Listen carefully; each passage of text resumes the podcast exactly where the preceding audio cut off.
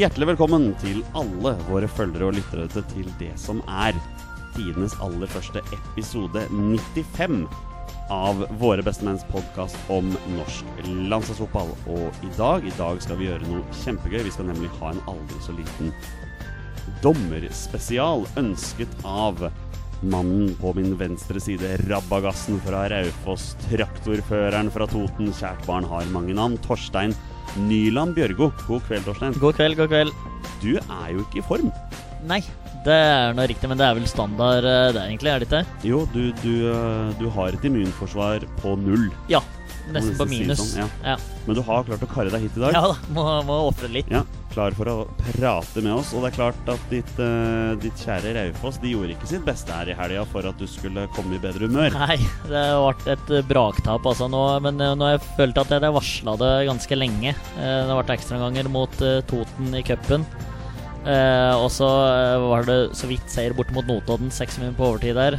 Dårlig kamp. Eh, Slapp inn fire mål hjemme mot Tromsdalen, skårer seks sjøl, så det er jo greit. Eh, og så har det tydeligvis ikke blitt så mye bedre i ferien, og så er det 5-1-smell på, eh, mot uh, Ullkisa. Så nei, uh, må gutta opp i ringen, ringa, og nå er det Ålesund til helga på stadion. Så Men det det- blir spennende. Men det hjelper jo ikke når han der Dadjo bestemmer seg for å tråkke på en Nei, Ullkisa-spiller. det var uh, hodemist til de grader. Det er noe av de klareste røde kortene jeg har sett noen gang. Ja, og så er det så synd, for at han har vært ganske bra i år. Han og uh, Parfight Bisosa som eh, stoppeparet der. Det høres kanskje litt rart ut når de slipper inn nest flest i Obos, men eh, de har vært eh, ganske bra, faktisk.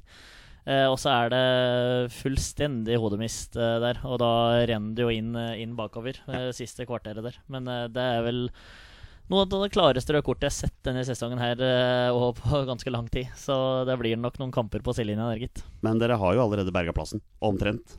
Ja, kan og si sånn. det kan du si, og nå er du så jevnt i Obos at eh, du kan fort eh, være med og kjempe om kvalik òg.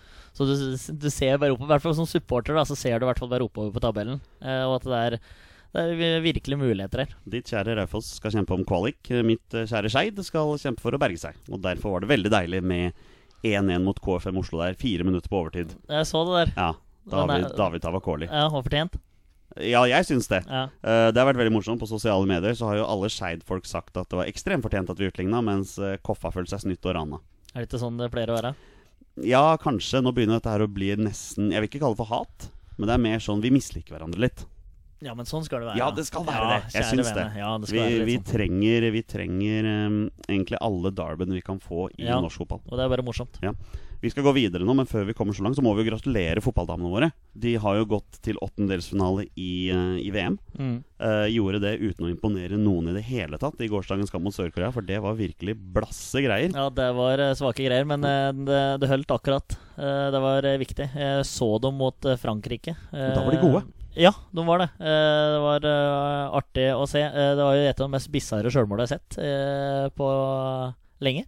Når eh, Ja, Renna- det. Eller van Dijk, som jeg kan like å kalle Kvinnelig van Dijk. Ja, kvinnelig van Dijk. Ja. Eh, nei, det var eh, Men hun var bra. Og så litt nedpå mot Sør-Korea, så får vi satse på for fin motstand i åttendelsen. da. Heie på jentene. De skal spille på lørdag, skjønte jeg. Riktig. Torstein Børgo, for um, Ja, for en måned, halvannen måned siden tilbake Så satt vi i Våre beste menn i studio Vi hadde nettopp spilt inn podcast Og så plutselig sier Torstein Du, vi skal ikke prøve å få tak i en dommer Og jeg og Petter tenkte at Ja, men det har jo ingen landslagsrelevans Men du hadde jo veldig lyst til å få tak i en dommer Ja, er, eh, ja, du skal få lov til å fortsette etterpå. Jeg er jo liten kverulant og en vrangpeis. Eh, og gjennom eh, 15-16 år på bana, som jeg har begynt å skjønne hva reglene går ut på, så har jeg jo krangla min del med dommere. Og jeg har, fordi meg sjøl har jeg aldri tatt feil, så det er jo fint å liksom få inn en her i dag som jeg kan eh, kverulere litt, eh, litt på. Og spørre etter ting som jeg lurer litt på. Det er ikke noe veldig store spørsmål, men eh, noen, noen småting. Du vil ha svar på de tingene du lurer på Du, du vil gå herfra i dag med et, med et bedre syn på norske dommerstanden Ja si sånn? Ja da ja. Men vi trengte jo en landslagsrelevanse Mm. Og det har vi fått. For Mm. dagens gjest, Torstein Mørgo, han er eliteseriedommer. Han har vært Fifa-dommer siden 2017. Han dømte finalen i G17-EM i mai. Men det du ikke veit, er at han har spilt trompet i Garden.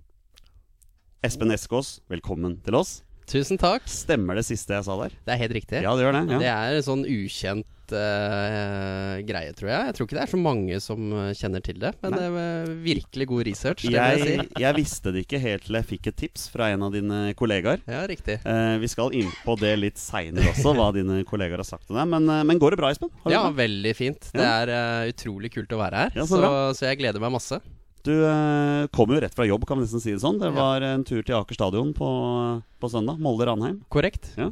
Eh, jeg har ikke lest noen ting på sosiale medier om dommeren i den kampen, så det tyder på at du gjorde en god jobb. Ja, det er jo gjerne sånn. Er det stille og tyst, så, så har det kanskje gått bra. Eh, Det er jo gjerne det vi er ute etter, da. Altså, vi liker jo bare å, å, å gjøre jobben og uten å, å få så mye fokus. Eh, Men eh, det var gøy. Alltid gøy å, å dømme i Eliteserien. Og når du har en kamp hvor, eh, hvor ting klaffer, så, så drar man hjem med smilet ut munnen. Ikke sant? Men du er allerede på reisefot allerede i morgen. Da er det cupen. Da er det Sogndal Brann. Korrekt. eh, Vestlandsderby. Ja, det går i ett. eh, Og, og sånn mai-juni måned nå, så er det jo så mye kamper at eh, du rekker jo nesten ikke å få vaska tøyet før det er eh, en ny kamp. Men, men det er jo det er derfor vi holder på. Det, det er kjempegøy å sette seg i bilen i morgen tidlig og reise til Sogndal. Det blir bare moro. eh, Og forventer en eh, flott, om ikke tøff, eh, kamp eh, der oppe, altså. Du skal kjøre til Sogndal, altså? Yes. Ja, hvor lang tid tar det? Nei, jeg eh, Det kommer litt an på cruisekontrollen, da. Men eh, Nei, jeg regner med å bruke i overkant av fem timer, tenker jeg. Å ja, det var ikke verre, nei. Nei. Jeg trodde faktisk det var lenger. Jeg trodde. det. Eh, kjører du da med din meddommere i kampen? Eh, altså Det kommer litt an på ja, i- altså, I morgen så kommer eh, assistentdommerne mine fra Ålesund, så de eh, kjører egen bil. Eh, så i morgen kjører jeg alene. Men stort sett da så så reiser vi jo sammen til kamp, eh, og, eh, og reiser som et team eh, til, til arenaen. Ja. Mm. Jeg har jo gjort litt grann research på dette, her og for meg så virker det som en av dine assistentdommere er en fyr som du har hele tiden. Men så er den, den andre linja gjerne byttes litt grann på. Ja, det, det kan du godt si. Vi, vi, ehm, vi pleier å ha mm, det vi Altså, vi kan kalle det faste team, og så, så prøver vi å, eh, å reise rundt eh, sammen eh, så ofte som mulig. Og for, i mitt tilfelle så har jeg én assistent som jeg har med meg nesten hver kamp, og så, så er det litt rullering på, på assistent nummer to, da. Eh, så det, det er korrekt igjen, det. Ja, men der ser du, man Jeg må jo gjøre litt grann Ja, ja, men det er bra, det. Da kan du høre på på denne podkasten her i morgen, da, vet du, på tur til Sogndal. Ikke sant? Torstein, eliteserie Nei, unnskyld, dommerspesial er det vi skal ta i dag. Men vi er en landslagspodkast. Vi må spørre Espen de vanlige spørsmålene vi stiller. Espen, hva er egentlig ditt forhold til norsk landslagsfotball? Eh, det er altså For å si det sånn, da. Mitt første minne med landslaget er, eh, er eh, 98. Eh, og Marseille. Eh, jeg, eh, jeg har bursdag 24. juni. Eh, Så opptakten Wow. til den bursdagen var ganske enorm, da. Eh, så, så på en måte ni år og 364 dager gammel guttunge var ganske høyt oppe natt til eh, 24. juni eh, 98, altså. Det er helt sikkert. Så du har på en måte fulgt litt med på landslagsfotballen?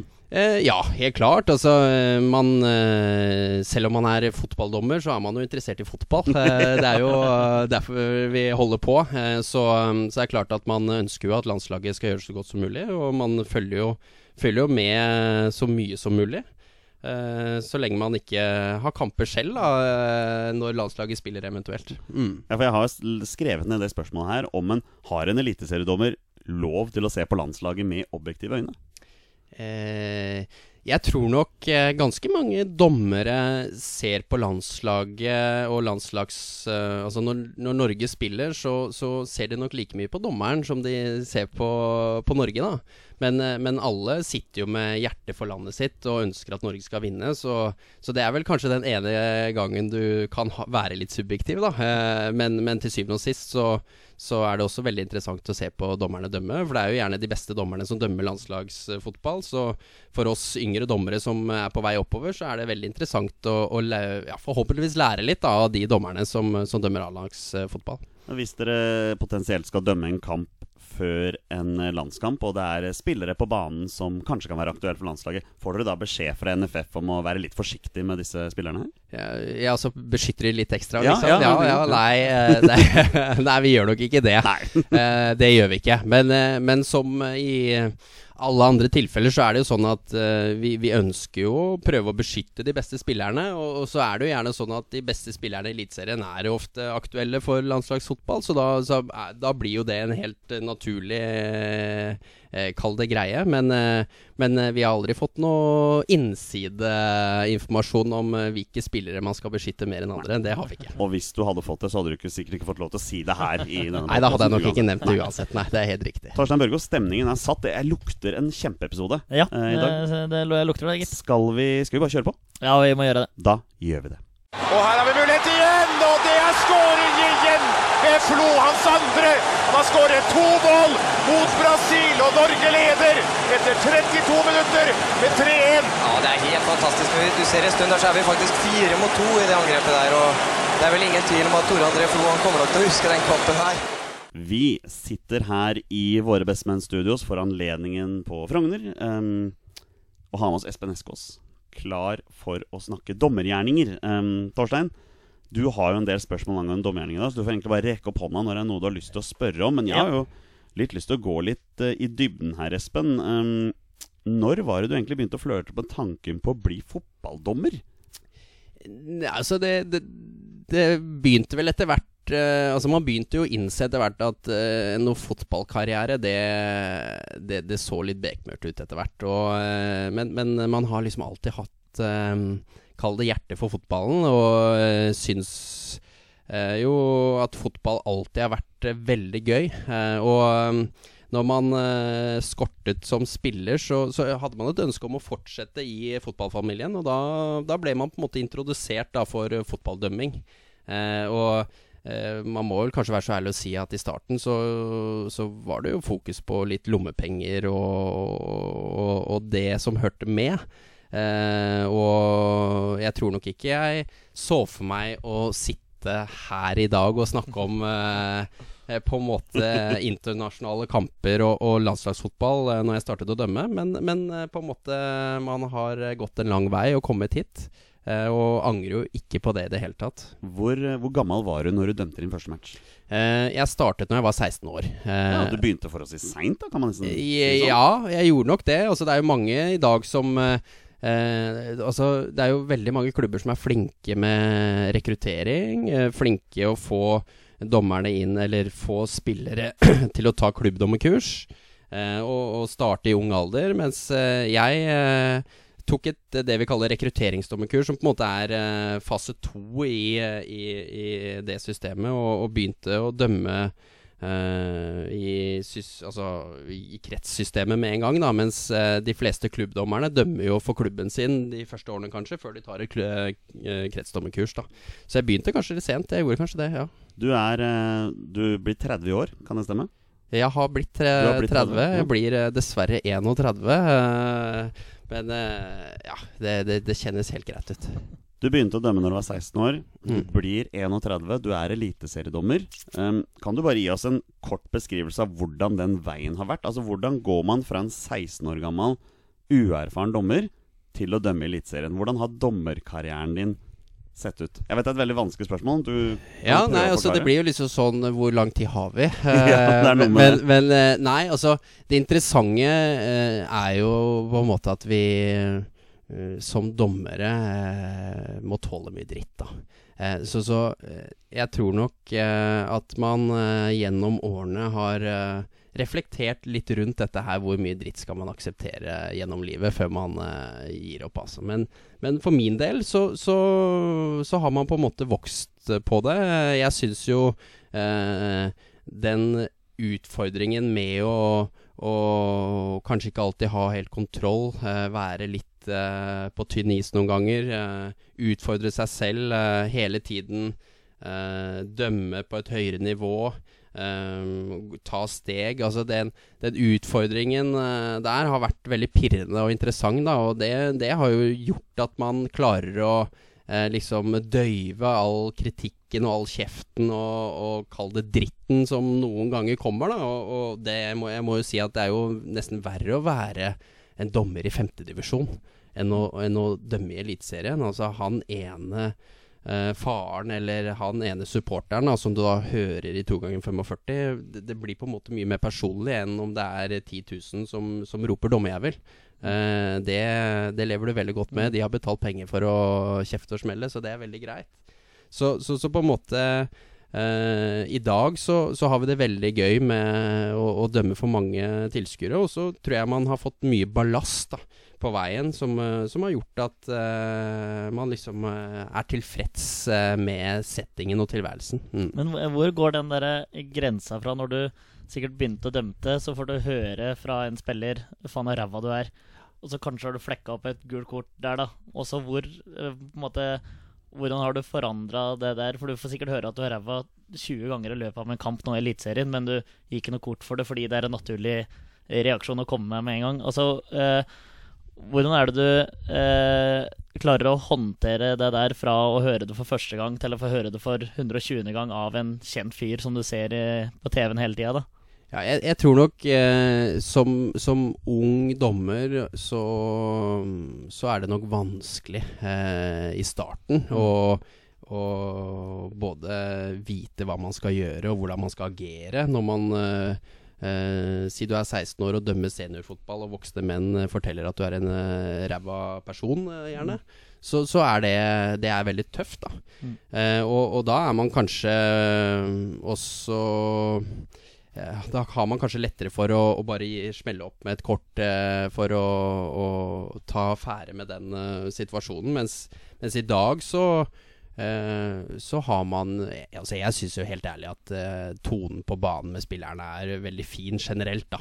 Eh, og så skjønner jo jeg noen ganger òg, når eh, det smeller litt, at, eh, at eh, det er en grunn til at det kanskje smeller litt. Da. Og så, så er jo spillerne åpne for at vi smeller litt tilbake. Så, så på en måte det er en gjensidig balanse, ofte, syns jeg, da, eh, med kommunikasjonen. Ja. Det blir jo en sånn personlighetsgreie også. Du må Ja. på en måte klikke litt med spillerne også. Klart. Det er derfor jeg ser for meg at den der lille passiaren dere har med, med kapteinene før kampen om kron og mynt og sånn, gjerne er ganske viktig. da For å sette standarden for hva slags stemning man vil ha i den kampen. Ja, det, det, det er helt riktig. Og, og, så, men så er det sånn at vi er jo alle forskjellige, og det gjelder jo spillerne òg. Så på en måte vi som dommere har forskjellige personligheter òg. Noen snakker mer enn andre. Eh, og, og, eh, og det tror jeg spillerne Jo flere kamper du dømmer i Eliteserien, og jo oftere du dømmer de forskjellige lagene, jo, jo bedre begynner jo spillerne å, å kjenne deg som dommer òg, og de vet på en måte hvor grensa i dag går for f.eks. munnbruk, da.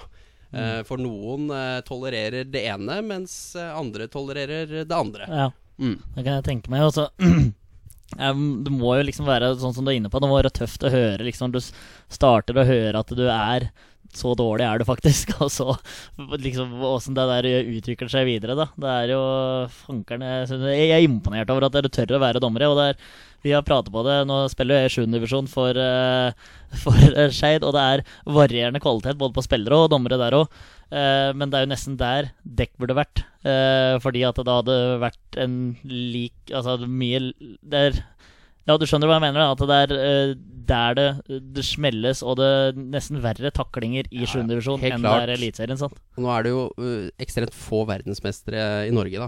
Men de få verdensmesterne som er, er vel i 7. divisjon, tenker jeg. Helt riktig. Så, så, så Det sitter en der. Rolig nå. Nei, helt klart, og, og det er eh, eh, det, det kan smelle litt der. Mm. Eh, det, det gjør det eh, helt klart. Og eh, jeg har jo kanskje følelsen av at eh, ofte så er det dommeren som er beste aktør på banen i de kampene der òg, men eh, eh, Nei, Det er interessant. altså Det er jo morsomt, da. Altså Sjuendedivisjon òg. Det er jo like viktig å, kamp som, som noen annen kamp. Så, så jeg forstår jo der òg at Mm. spillerne er engasjerte og, og, og opptatt av riktige avgjørelser. Ja. Ja, veien eh, fra dommerkarrieren da, til Eliteserien. Du har vel sannsynligvis jobbet opp sånn som alle andre har som er eliteseriedommer. Jeg tipper du har jobba deg opp fra Post Nord, ikke sant? opp til Obo og sånne ting. Husker du hva din første kamp i Eliteserien var? Ja, det husker jeg veldig godt. Husker du det godt? Ja da. eh, Jeg debuterte i, eh, i Haugesund eh, med Haugesund-Sarpsborg. Eh, og eh, grunnen til at jeg husker det, er jo fordi eh, Altså, jeg tror nok eh, alle dommere, dommerne i Eliteserien i dag husker sin debut på øverste nivå. Eh, men eh, jeg, jeg var nok vel ivrig i den kampen, så jeg, jeg endte jo opp med å gi ganske mange gule kort i den første omgangen. Så, så, så det husker jeg veldig godt. Ja. Ja. Men eh, fikk du noen gode tilbakemeldinger, da? Ja, altså? I utgangspunktet så, øh, så var mange veldig happy med den generelle kampledelsen i kampen, men, øh, men øh, jeg tror nok øh, Hadde jeg dømt samme kamp i dag med den rutinen og ballasten jeg har nå, så hadde jeg nok øh, spart meg for noen av de kortene i første omgangen. Det er helt sikkert. Og når du er inne på kort der, så har jeg et lite spørsmål. Nå er den i gang. Nå eh, begynner eh, mitraljøsen her. Eh, fordi eh, jeg har sett x antall fotballkamper, og jeg har et inntrykk Eller jeg kan ta, bare ta spørsmålet, da. Eh, hvorfor har dommere en tendens til å la første takling over grensa, la den gå tidlig i matchen, men senere i matchen gis det gult kort for mindre forseelser? Det er et godt spørsmål. Eh, og det er et eh, Altså, det er et godt spørsmål som er vanskelig å svare på, da. Eh, man ønsker jo eh, Altså, hver kamp lever sitt eget liv. Eh, og så ønsker man på en måte å eh, Man har en tanke i hodet hvordan man ønsker å løse kampen. Altså, noen kamper skjønner du ganske tidlig at her, eh, her kommer det til å trøkkes litt ekstra til i dag, da. Og da, da er man kanskje litt vare med å starte for tidlig med å gi gule kort. Eh, og så sier ikke jeg at det er riktig, Mm. men, men, men det, det skjer, da. Mm. Uh, og ofte så ser du, som du sier, at du, du, du får kanskje en takling i løpet av de første fem minuttene som, uh, som er en hensynsløs takling, og så velger man kanskje å gi et tilsnakk. Og så utover kampen så får man kanskje ikke den responsen man ville ha for det tilsnakket man gir på den taklingen. Da. Så, så på en måte det, det fortsetter med litt taklinger og sånne ting, og så må man etter hvert bare begynne å, å gi kort da, Mm. eh, for å holde fast på kontrollen i kampen. Mm. Eh, og, så, og da er det jo sånn at vi i ettertid eh, lett analyserer det dit hen at vet du hva, vi burde faktisk bare gitt det gule kortet eh, med en gang. For da hadde vi, så, så, så med fasit i hånd, da, så, så er det lett å si. Og så, så vet man jo aldri om man hadde sluppet situasjonene som kom i etterkant. Men, men eh, det kunne i hvert fall vært med på å, å bremse utviklingen i kampen. Det Ja, tror jeg. Mm. For det var jo, jeg var jo på Intility og så på Vålerenga-Lillestrøm, og den, du dømte ikke den matchen, så jeg skal ikke sage deg for det. Men tidlig i den matchen så blir jo Aron Dunham feid ned eh, og må gå ut og ta matchen senere. Og Vålerenga kontrer, og spilleren får ikke gult kort Seinere i kampen så er det en liten obstruksjon. Eh, som Det er ikke noe kontringssituasjon eller noe sånt, og da får spilleren gult kort. Så jeg vet ikke liksom, om dommeren legger sammen én pluss én da, og så er det kort. For jeg vet på en måte at det tredje forseelsen skal du på en måte ha det gule uansett. Så liksom den jeg ikke forstår, da, at du feier ned en fyr bakfra. Som kan i verste fall være en karrierenutruende takling. Eh, og så får du ikke kort for den, men en obstruksjon senere Ti minutter senere i matchen så får du det gule kortet. Så det er på en måte en linje som jeg syns er litt vanskelig å forstå til tider. da eh, så, Men du er jo inne på det. Det er jo liksom Det reflekterer jo ettertid. Så det er jo Men det er liksom bare den tendensen som jeg har eh, inntrykk av, er at det første taklinga nesten uansett da får, eh, får lov til å gå, liksom. Det er eh, Det var et langt spørsmål. Ja, nei, men, eh, men jeg kan prate i dagevis, så du må bare stoppe meg, Jonny. Ja, nei, jeg skal stoppe deg. Men du fikk, fikk du svar på det? Ja, ja, helt supert. Eh, Mine herrer, vi må jo gå litt inn på landslagsfotball her. Ja. Det er jo derfor vi sitter her. Vi sitter her for å prate landslagsfotball. Og Espen, du er jo Fifa-dommer Korrekt. siden 2017. Um, var det et mål for deg å bli Fifa-dommer? Eh, ja, etter hvert eh, når man eh, begynte å gå gradene nasjonalt, så er det Ja. helt klart at eh, det også å bli Fifa-dommer var noe man eh, jobbet for. Så, så det, det er jeg veldig happy med. Ja. Mm. Um, jeg har lest det at uh, dommerne deles opp i fire kategorier. Du har elite, og så har du kategori 1, 2 og 3. Korrekt. Og man må jo på en måte begynne lavest. Er du nå i kategori 3? Eh, det, det er faktisk eh, fra og med i dag så rykket jeg opp til kategori to. Oi, oi, oi, oi. Eh, så det er breaking news. Det er jo nesten verdt en applaus. Jeg Ja. klarer ikke, jeg klarer ikke å applaudere nå. Jeg sitter her sånn, men, men gratulerer. Er Jo, takk. Ja. takk for det. Veldig gøy. Ja. Men, men det er helt riktig som du sier, i hvert fall eh, oss fra, Norge og generelt i Europa, så, så kommer man inn på nivå tre når man er ny Fifa-dommer. Det er bare de større nasjonene som England, Spania, Tyskland, Italia etc. Som, som går rett inn i kategori to, da. Ja. Eh, men, men man starter i kategori tre, det er helt riktig. Og du starter i kategori tre, og da må jeg bare spørre Hva var din, din første internasjonale kamp som dommer? Eh, jeg var ganske raskt etter jeg ble Fifa-dommer på eh, miniturnering, som det heter. Det er eh, eh, miniturnering med- for U17, eh, som er et gruppespill, innledende gruppespill for uh, U17-lagene.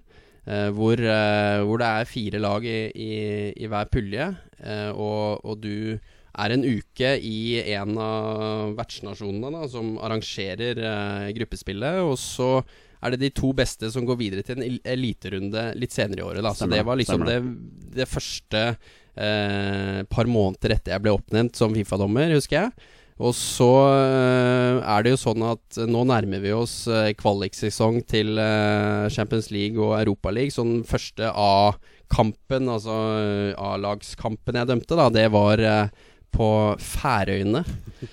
Ja, Hvor jeg eh, dømte det Ja, jeg vet ikke om jeg skal kalle det det kjente laget, men det heter i hvert fall B36 fra. Torshavn. ja. Eh, mot Numme Kalju fra, fra Estland. Akkurat, ja. ja, ja. Man må jo begynne et sted. Ja ja, Men, selvfølgelig. men det er jo en Champions League-kamp. Uh, ja, dette her var vel Europa League, Ja. men, men uh, Der ødela jeg den. ja, ja. Men, men uh, Ja, altså det er kvalifisering til Europa League, så, så det er gøy, det. Det er noe ekstra å dømme internasjonale kamper. Klart. Det må det jo være. Helt klart, Ja. og det, det merker du på spilleren òg. Altså det I hvert fall, hvert fall når du dømmer da kamper med, med lag fra mindre nasjoner òg. Det er klart at dette er uh, stor happening for alle involverte. Um, Syns du det er en nedtur da å komme tilbake til Norge og dømme en vanlig kamp i Eliteserien? Eh, nei, ikke i det hele tatt. Eh, hvis du sammenligner med denne kampen her på Færøyene, så, så er jo nivået i Eliteserien mye høyere Ja. enn denne spesifikke kampen. Så, så på en måte Det er ikke noen nedtur da å, å komme hjem igjen, eh, på ingen som helst måte. Men eh, det gir bare egentlig mersmak til å fortsette å jobbe for å gå gradene videre, da. Hva, hva vil du si er den mest profilerte kampen i utlandet du har dømt?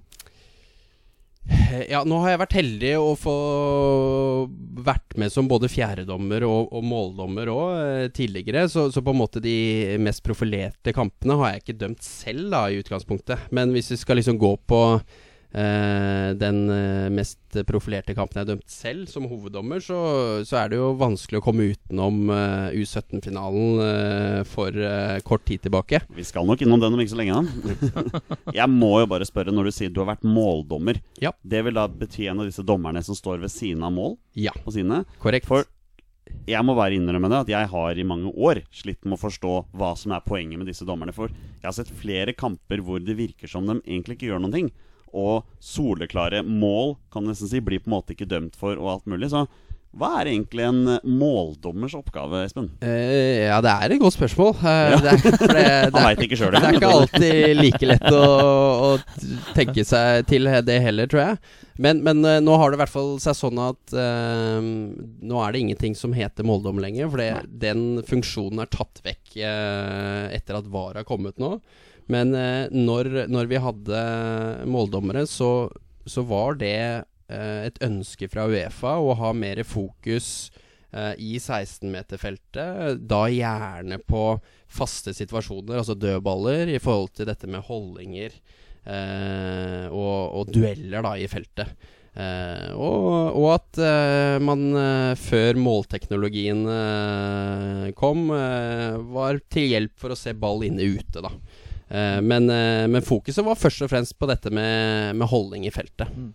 Ja, akkurat det med VAR, som man også kaller det, det er også noe vi Vi, vi kommer til å komme inn på det i dag. Torsen. Ja da, vi kommer til å prate om VAR. Altså det, er, eh, det er den som opp, Den opptar jo mange. Men den mest profilerte matchen, sånn som du har vært med på liksom, som fjerdedommer eller måldommer, da, hva er det det er? Eh, Jeg vil jo si eh, den første kampen jeg eh, var med på Da var jeg med Svein Oddvar Moen. Eh, da var vi i Serbia. og hadde Partisan mot Dynamo Kiev. Oh, hei Eh, og jeg husker at det da det, det er vel den kampen jeg har vært mest nervøs sånn i forkant av matchen. Eh, både fordi eh, man var i Serbia, og, og det var de lagene det var, men, men kanskje først, først og fremst for at funksjonen jeg skulle ha i denne kampen, var Altså den rollen var helt ny for meg, så du, du var litt på sånn der, eh, ukjent territorie. Og, og det var ikke helt eh, trygt. Så, så på en måte Det var eh, utrolig spennende.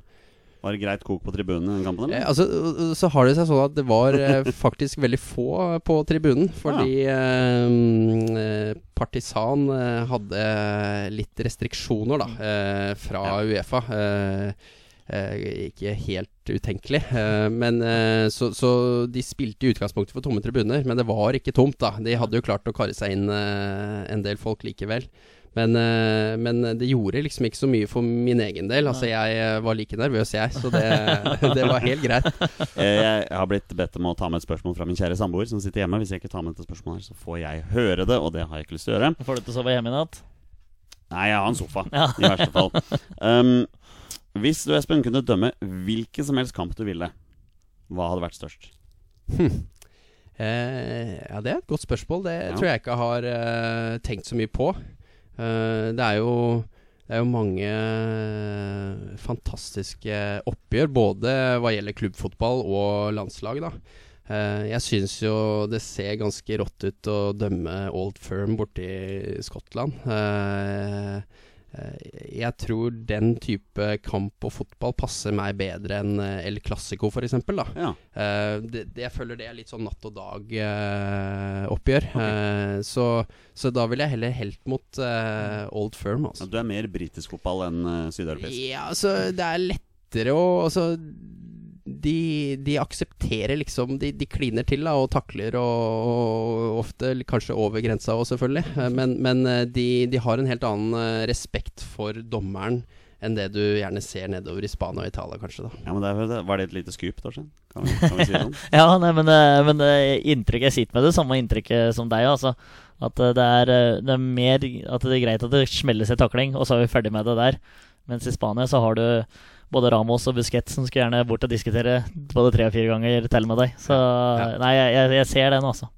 All right, Espen, vi må inn på det nå. G17-EM i Irland i, i mai. Um, hvordan fikk du vite at du var tatt ut som dommer? Eh, Nei, det var eh, Terje Hauge, som er dommersjef i Norges Fotballforbund, som, som ringte meg og sa at eh, Uefa hadde tatt meg ut til å, å være dommer i U17-EM. Så, så det var eh, en overraskelse, rett og slett. Eh, man har jo alltid eh, på en måte en drøm, og håper jo at sånne ting skjer. Men, men, men likevel, man var veldig overrasket. Du, du endte jo opp med å dømme tre kamper i gruppespillet. Ja. Hvis jeg leser riktig. Um, hvordan fungerer det? Altså, Samles alle dommerne i et rom og får beskjed om hvilke kamper man skal dømme, eller hvordan er det dette foregår? Eh, ja, ganske riktig oppsummert, eh, Så faktisk. Bra, Da går vi videre. ja. Nei, altså vi eh, Her så, så var vi åtte dommere. Eh, og eh, Så alle åtte dommerne skulle ha tre gruppespillskamper hver. Og da var det sånn at for hver eh, kampdag, da, eh, så Så fikk eh, var vi samla, og så kom det opp en powerpoint eh, med kampene. og og så fikk du etter hvert se hvilket navn som eh, dukket opp bak hver kamp, da. Så det var stor spenning hver morgen det ble var ja, kamper. Hvor, Mm. hvor, mange, hvor, mange, hvor mange dagers forvarsel fikk dere før dere vite hvilken kamp dere skulle dømme? Ehm, det var ehm, Det varierte litt, men, men i utgangspunktet så, så var det ca. to dager ja. i forkant. Ja. Det var vel en ganske høyprofilert kamp. Jeg mener du dømte England? Jeg har dømt, dømte England-Sverige, eh, Ja. så hvis man tenker i hvert fall på sånn A- A-nivå, da, så er det litt sånn historie rundt eh, England-Sverige. Eh, så eh, det var en eh, Det var siste gruppespillskamp. Eh, England måtte vinne for å ha mulighet til å komme videre, og det var eh, skikkelig erkebritisk eh, vær. Eh, det høljet ned på en eh, ganske tung og våt gressmatte. Så, så liksom, da hadde man en eh, forventning om eh, type fotball, da. Eh, og, og vi fikk noen eh, Ja, vi kan kalle det fine taklinger i løpet av den kampen der. Fikk du, fikk du høre det fra et par av dommerne i løpet av Nei, fra et par av spillerne? Eh, ja, altså Engelskmennene har jo sin egen sjargong. Eh, det har de. Men heldigvis så, så er det sånn at når, når gutta ikke er eldre enn de er, så, så tror jeg det sitter litt lenger inne, da. Og, og kall det kjefte på dommeren enn eh, om du hadde dømt eh, A-laget. Ja. Så, så jeg slapp nok billig unna. Eh, ellers så kan man jo se på det at det var generelt god dømming, da. Så de hadde lite å klage over. Så um, alle, si, alle dommerne fikk tre kamper hver i gruppespillet. Ja. Så, så er jo gruppespillet over. Yes. Hva, hva skjer da? Er det noen dommere som får beskjed om at de ikke skal være med videre? Er det noen som får beskjed om at du skal fortsatt være med? Hvordan veit man da hvilke kamper man ender opp med? Nei, Det er det som er spennende. da eh, Man vet eh, generelt veldig lite. Eh, veien videre etter gruppespillet baserer seg veldig på prestasjonene i, eh, i de tre kampene du har dømt. da Så så da var det jo utrolig eh, til tider nervepirrende å, se hva som skjedde. Eh, og når kvartfinalen kvartfinalene var eh, annonsert og du ikke så navnet ditt, så, så er det sånn du, du er jo litt fornøyd, fordi du tror kanskje at da får du noen andre kamper. Men samtidig så er du jo ikke sikker eh, om du får noen kamp i det hele tatt. Så, så på en måte hele settingen da var litt sånn eh, nervepirrende, ja. Når fikk du beskjeden om at du skulle dømme finalen? Eh, det var eh, bare to dager eh, før finalen. Ja. Men Da var det ikke noen flere kamper igjen. da var det liksom ikke noen flere kamper igjen. Så, så, så på en måte jeg hadde jo etter hvert en god følelse Ja. etter at semifinalene og playoff-kampen til VM var annonsert. Så, eh, så skjønte jeg vel egentlig at uh, dette gikk veien. Ja. Men så kan man liksom ikke juble før du får ting bekreftet, da. Eh, Så du måtte gå et par dager der og, og egentlig bare vente på en god beskjed. Hvordan, eh, hvordan får man den beskjeden? tenker jeg Er det en Uefa-representant som slenger en liten konvolutt i lomma på deg den går forbi? Altså Får du et hvisk i øret? En mailtekst? Hvordan er det det fungerer? Eh, nei, altså da, da er vi samlet, eh, oss dommerne som er igjen. For da på veien nå så, så har det allerede blitt sendt hjem en del dommere. Så, så de dommerne som er igjen eh, etter semifinalene, eh, blir samlet. Og, og så er det en vanlig, kall det kamppresentasjon som alle andre kampene i turneringen. At eh, kampen kommer opp på, på skjermen, og så trykker de en gang til, og så dukker navnet ditt opp eh, der hvor det står 'referee'. Så Ja. Eh, så det var eh, en litt sånn surrealistisk eh, opplevelse. Det tror jeg på. Det som er veldig interessant med den, med den turneringen, her er jo at du har jo ingen av dine faste linjemenn. Det er internasjonale linjemenn. Korrekt. Um, er det da, hvordan fungerer kommunikasjonen? Altså Hvordan fungerer forberedelsene før kampen?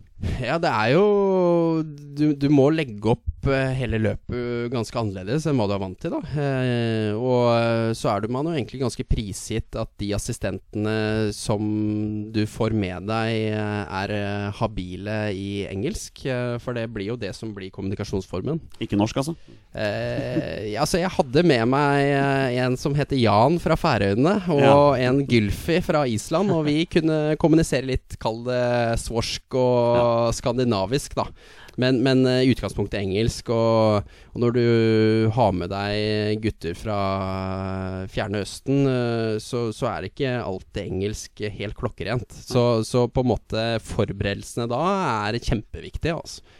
Så er det jo da selve finalen. Selve kampen. Spilte i Dublin, hvis jeg husker riktig. Korrekt. Ja. Nederland-Italia. Mm. Nederland er jo rett og slett det klart beste laget Mm. i den kampen fra start til slutt. Mm. Sitter du da med liksom følelse av at ok, dette, dette vet du Nederland kommer til å vinne, nå må jeg bare konsentrere meg om å gjøre en god nok jobb? Eh, nei, eh, men, men du merker tidlig eh, i mange kamper hvilket lag som i utgangspunktet er best. Det tror jeg på. Men, men, men, eh, men så er det så lite som skal til da eh, for at et kampbilde snur. Altså, du kan få rødkortsituasjon pluss et straffespark, og så går det kall det underdog-laget opp i en ledelse og, og kan ri på den, så, så på en måte du, du, du, kan ikke ta noe for gitt. Du må, du må jobbe hele veien. øh, og øh, ja, rett og slett bare være så konsentrert som overhodet mulig, da. Hva, hva syns du sjøl om dine prestasjoner i finalen?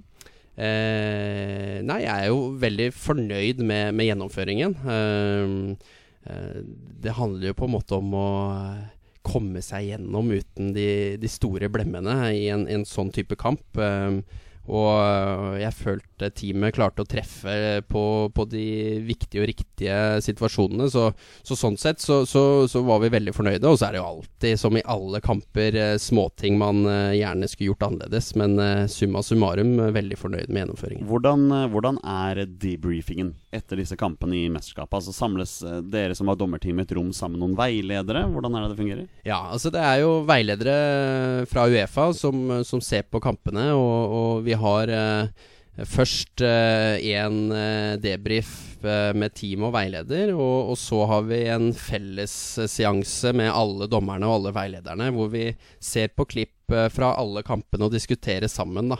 Eh, for å, å, lære av hverandre, rett og slett. Eh, og det er, det er den viktigste læringen. Å se, se klipp, se situasjoner. Og, og da er liksom ikke fokuset at det er Espen fra Norge som dømte feil. Det er her ser vi en situasjon som ble løst feil, og så må vi i fellesskap finne ut av hvordan vi skal løse denne situasjonen bedre neste gang. Da.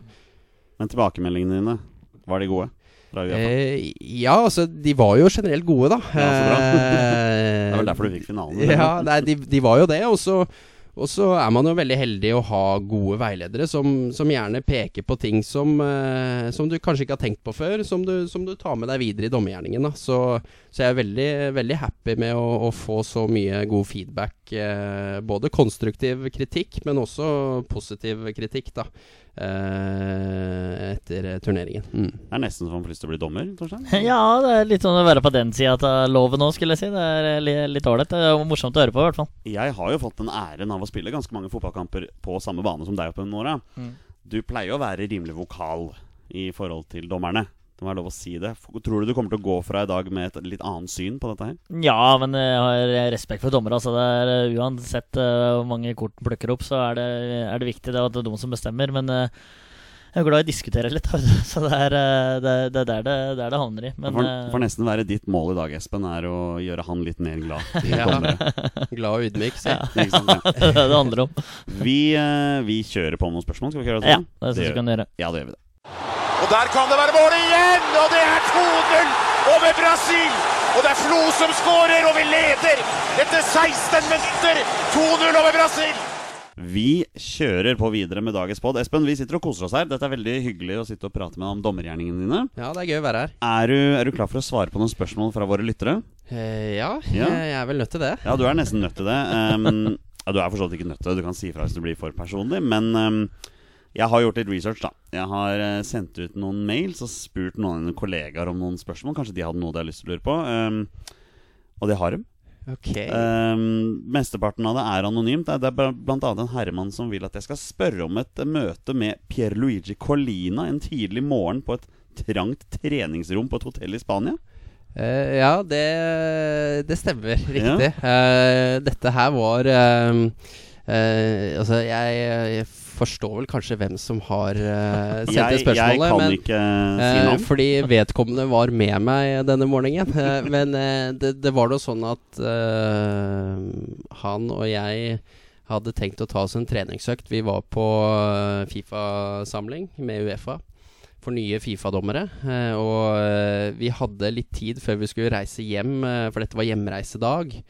Og så tenkte vi at uh, det hadde vært uh, ja, ok å bare få rista litt løs uh, før vi skulle fly hjem og sånne ting. Og så visste vi at det var et lite treningsstudio på hotellet med i hvert fall et par, to møller. da, Så vi så for oss at nå kan vi i hvert fall ja, løpe en halvtime ved siden av hverandre. Men idet vi liksom går inn døra der, så var jo den ene mølla opptatt, da. Og det var Colina som Den eh, legendariske dommeren. Svettet fra seg på, med sikkert fire ganger fire på, på mølla der. Så da, Da smøg vi oss og tok litt styrketrening før vi, eh, ja, før vi gikk ut igjen. Du går ikke bort og bare sier at uh, du må fjerne deg, kompis. Eh, Det tør man ikke, nei.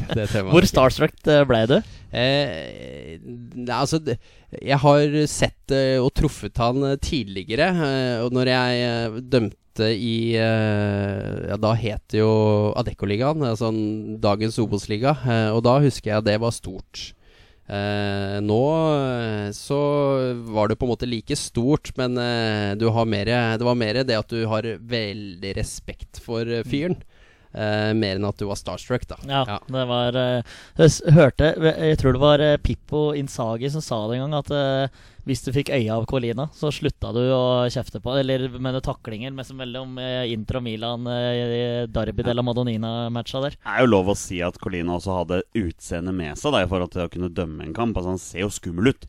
Altså Hadde han hatt langt, blondt hår, så hadde du ikke tatt det like seriøst. ikke sant? Nei, og han eh, hadde jo en unik evne til å, å bruke kroppsspråk og mimikk til å Altså, han trengte jo ikke å si noe. Han kunne bare forandre et blikk, og så forsto du egentlig hva han mente, da. Og som du sier, så, så holdt du fort kjeft, da. Ja, jeg tror det, altså. Espen, har du mm, Den er fin. Har du kontroll på hvilke flyplasser du skal fly fra når du er på reise? Eh, jeg har uh, fått bedre og bedre kontroll. Ja, For det er en episode her. Ja, det er helt Um, riktig. Jeg møtte en gang opp på feil flyplass. Jeg tror det var at du møtte opp på Torp, men egentlig skulle til Gardermoen. Ja, eh, Eller var det motsatt? Ja, det var motsatt. Ja. Eh, vi eh, skulle fly tidlig til eh, Sveits. Uh, grytidlig, eh, kvart på seks eh, eller noe sånt noe. Og vi går til skranken og skal sjekke inn noe bagasje, og eh, hun hjelpe eller pusheren eller eh, hva det heter. Hun eh, Vi så med en gang at her var det noe gærent, for hun stussa fælt når hun plotta inn navn og, og, og greier, da. Eh, så ser hun opp eh, på oss til slutt og sier at eh, her er, tror jeg vi har en case. Eh, for eh, dere, dere skulle nå vært på Torp, da, og flyet oh, går om tre kvarter. Ja. Eh, og det her var ned til eh, en Uefa-samling, da. Eh, så da, da svetta vi greit, altså. og, men vi fikk kaste oss rundt, og, og jeg, jeg skjønner egentlig ikke hvordan vi fikk det til. Men vi, vi kom på plass eh, til ganske noenlunde riktig tid, bare med andre fly. I, ok, greit. Da er vi Eh, Så vi kom oss ikke ned til Torp, nei. Nei, det var det jeg lurte på. vi, vi, vi kom oss til København, og, og, og fra København videre, da. Så, så vi, eh, det, vi redda oss inn på en måte. Men eh, nei, vi svetta greit da. Er det første og eneste gang? Eh, ja, at jeg har tatt feil flyplass, eh, det var første og siste gang. Ja. Ja, Forhåpentligvis siste gang. Men du- navn på flyplass er litt uh, Ja, altså, og, og det, Feilen her var jo at uh, Det tror jeg er rettet opp i nå, sånn, men, men tidligere så var det jo Oslo lufthavn var jo både Gardermoen og Rygge og, og Torp. Ja. Så, så på en måte på reisebekreftelsen vi hadde fått, så sto det liksom Oslo lufthavn, men vi tok jo det for god fisk at det var Gardermoen. Det er greit å ha en unnskyldning, si. Ja, Så vi, vi, jeg skylder fortsatt på det. Ja, det er lov. Har du møtt opp på feil flyplass spør Torstein? Uh, nei, uh, det er faktisk en liten sånn uh, småhobby jeg har. Det er eh, å se på Ja, det høres helt merkelig ut, men eh, fly. Det er eh, Jeg syns det er fascinerende. Nei, ja, hva som Ja, fascinerer jeg, jeg veit det er rar, men eh, Nei, nei, nei. nei, det er rart. Espen, du skal gifte deg neste år, du. Yes. Ja, Gratulerer. Jo, Ja. takk. Jeg skal gifte meg i år, så jeg vet hvordan det føles. um, men du skal gifte deg 13. juni. Eh, Det er planen, i hvert fall. Det er planen, ja. Ja. Um, er det helt tilfeldig, eller har terminlisten nasjonalt og internasjonalt hatt noen innvirkning på valget av dato? Eh, den har hatt ganske god innvirkning på det. Ja, Eh, og eh, Og det er eh, gjerne fordi eh, jeg forhåpentligvis eh, ønsker å ha så mange dommerkollegaer som mulig tilgjengelig eh, Ah, til bryllupet. Ja. Altså For min egen del så, så hadde det nok gått greit å, å hatt sperre en helg fra fotballen. Men jeg ønsker jo at så mange som mulig kan delta eh, i bryllupet. Ja. Og da passer det seg sånn at eh, vi får prøve å finne datoer som du vet ikke kolliderer med noe fotball. ja, for dette er vel i fotball-EM, kan det, Det stemme? er eh, åpningshelgen eh, i fotball-EM, Ja. så jeg forventer ikke å dømme der. Eh, det blir nok litt tidlig. Hvor er ambisjonene? Ja. um, hva er hans livrett, og hvorfor er det valkyriegryta? Å, se her, du. Uh, Hva er Valkyriegryta? Det er også uh, en uh, god historie. Altså, det handler jo om at øh, jeg har en dommerkollega som i sin tid, når han var politistudent, bodde i Valkyriegata eh, på Ah. Majorstuen. Ja da. Eh, og eh, det hendte jo at vi hadde både sene kvelder og, og morgener uh, der, hvor vi en dag uh, bare søndag uten med stengte butikker egentlig bare plukka frem det vi fant i kjøleskapet der, og, og det ble til slutt Valkyrjegryta. Uh, og den var veldig god, da. Så, så derfor så har vi egentlig bare fortsatt med det. Jeg har vært med på det lignende. Jeg bodde i kollektiv før. Så Ja. man, da må man bare gjøre sånne ting. Så kult. Um, hvor i prioriteringsrekkefølgen din ligger fløyta når du pakker til kamp? Eh, den, den burde jo ligge ganske langt fremme. Ja, Eh, et viktig verk verktøy. Ja, altså er, den er liksom vesentlig uh, i dommergjerningen. Ja. Uh, og så har det vel seg sånn at uh, jeg har glemt det tidligere. Eh, Ja. Det har jeg. Eh, og vi var jo innom eh, denne første kampen på Færøyene her tidligere. Og jeg må vel kanskje innrømme at når jeg åpnet bagen på hotellrommet på Færøyene, så fant jeg ut at jeg hadde glemt både fløyte og kort til den kampen. Ja. Det er viktige verktøy for dommergjerningen, Espen. Um, hva gjør du da? Løper du til den altså, lokale sportsbutikken? Jeg hadde veldig flaks, eh, fordi eh, et eh, annet færøysk lag hadde skulle også spille kvalifisering eh, samtidig. Så det var et annet dommerteam på samme hotell, fordi Færøyene er ikke veldig stort. Så det er det ene hotellet i Torshavn som vi bor på. Rett ved Eh, flyplassen der. Uh, ja, altså det er uh, ikke helt ved flyplassen, men det er i Torshavn okay. by, da. Eh, og dette var da en waliser eh, som eh, selvfølgelig hadde med dobbelt sett av både fløyte og kort. så da var jeg reddet. Waliseren hadde med dobbelt sett, nordmann hadde ikke med noen ting. Der, altså. Jeg ser for meg han løper rundt og plystrer istedenfor å. Istedenfor Ja. Um, ja, vi tar denne her, vi. Um, hva gir deg mest glede? Dømme toppkamp i Eliteserien eller være DJ på russetreff på Tryvann? Oi, eh, den er sterk. Eh, jeg kan jo ikke si noe annet enn at å dømme toppkamp i Eliteserien er eh, priceless. Eh, Men du har vært DJ på russetreff på Tryvann? Men jeg har nok vært det, ja. Ja. Jeg har det. Nei, da fikk vi svaret på det. Um, hvor mange ganger i løpet av en kamp retter du på shortsen din? Uh, jeg har blitt fortalt at det er uh, altfor mange ganger.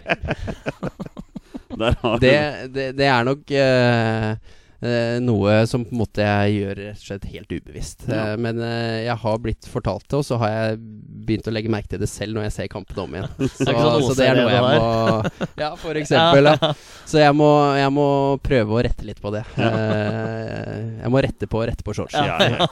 Nå, nå kjører vi på og tar noen spørsmål fra noen av våre, fra noen av våre lyttere. Vi begynner med Petter Hermansen, eh, vår kjære kollega her i Våre bestemenn, som dessverre ikke hadde anledning til å komme i dag. Nybakt far. Nybakt fem måneder siden. Mm. Eh, hadde ikke muligheten til å ta turen. Han lurer seg på eh, hvilken landskamp drømmer du om å dømme? Oi, eh, godt spørsmål. Eh, jeg eh, kunne helt klart tenke meg å dømme England på Wembley. Ja. Eh, og så kunne de gjerne ha møtt Tyskland. Eh, For eksempel, bare. Ja, Som et eksempel. ja, som et eksempel. Nei, det er nesten mer du vil, du vil dømme England på Wembley, men motstander er kanskje ikke helt nøye. Nei, eh, men, men eh, jo bedre motstand de får, jo bedre blir kanskje kampen. Da. Altså sånn, eh, selvfølgelig, du hadde jo ikke sagt nei eh, til å dømme en, en stor nasjon mot en mindre nasjon, eh, men, men, eh, men det er jo som dommer så ønsker du jo gjerne å dømme en kamp hvor du blir utfordret litt, og, og det er litt å ta tak i. Mm. Så, så gjerne en kamp med to nasjoner som står godt mot hverandre, da. Hva er den kuleste kampen du som hoveddommer har dømt på A-landslagsnivå? Eh, jeg har ikke dømt eh, A-landskamp eh, enda. Nei. Så det er eh, Snakk om å rippe opp, Jonny. Det var jo fint fra deg. Det, det får være et mål, da. Ja, ja. Ja. Helt Um, klart. På bortebane heter en følger av oss. Ja. Um, han har, denne vet jeg ikke om du får lov til å svare på, men han lurer på hva som er favorittlaget ditt i Norge. Kan ta det- utlandet, da. Ja, det er sånn uh, Kall det lurespørsmål. Kall det lurespørsmål, for å få meg ut i salaten. Kan vi ikke bare eh, spørre favorittlaget ditt sånn generelt, da? Ja, altså Det er eh, Det er jo mange Det er sånn type spørsmål du får som dommer, da. Ja, Av sant? laget ditt i England, eh, for eksempel. Da. Mm. Ja. Men, men eh, da blir det så kjedelig svar som at jeg har egentlig ikke noe spesielt lag. Nei. Eh, jeg er veldig fan av å se god fotball og gode kamper, så eh, og, og titte jeg, jeg, altså jeg ser både Premier League og Serie A og Bundesliga og eh, uansett, egentlig. Så jeg har ikke et spesielt lag jeg følger ekstra med. Nei. Det er i hvert fall det han påstår. Um, dommerne må ha tunga rett i munnen. Her kommer et langt spørsmål fra Nordlink86. Um, ofte når jeg ser kamp, syns jeg linjedommerne kan si ifra om åpenbare hendelser de ser bedre enn kampleder. Det virker ofte som man ikke vil overprøve eller si ifra til kampleder. Her synes jeg man kunne sammen ha dømt bedre med svært enkle grep. Hvordan er kommunikasjonen her? Ja, det var et godt spørsmål. Eh, det er ofte sånn at eh, Eller det er jo helt naturlig, fordi vi har eh, Altså Assistentdommerne er på siden og har gjerne en forskjellig vinkel og innsyn til eh, de situasjonene på banen. Eh, så, så vi har eh, vanligvis veldig god kommunikasjon i utgangspunktet. Og så, kan det nok hende at det sitter lenger inne for eh, en assistentdommer eller enkelte assistentdommere å, spille inn på ting. Men, men jeg føler sånn generelt at, at de assistentdommerne som er i Eliteserien, er ekstremt dyktige til å både ta eh, initiativ til eh, å, å oppklare en situasjon, men eh, også si ifra hvis noe er rett og slett feil. Men, men til syvende og sist så er det jo dommeren som, på banen som hoveddommer som har siste ord i saken. Så det er, selv om du får et innspill, så er det til syvende og sist jeg som bestemmer og avgjør om jeg vil høre på det innspillet eller ikke. Har du en slags vibrator i armen din når linjemann vinker med flagget? Eh, ja, det er korrekt. Ja. Eh, og så er det noen som eh, eh, og, og så skal jeg være helt ærlig, så er det ikke alltid jeg har den på heller. eh, men, men vi har, Glemt igjen på hotellrommet. vi har, eh, vi har eh, headsetet som i utgangspunktet er første kommunikasjonsvei, og så er på en måte den eh, vibratoren, hvis vi kan få lov til å bruke det vi, kan, ordet. eh, vi skjønner hva vi mener.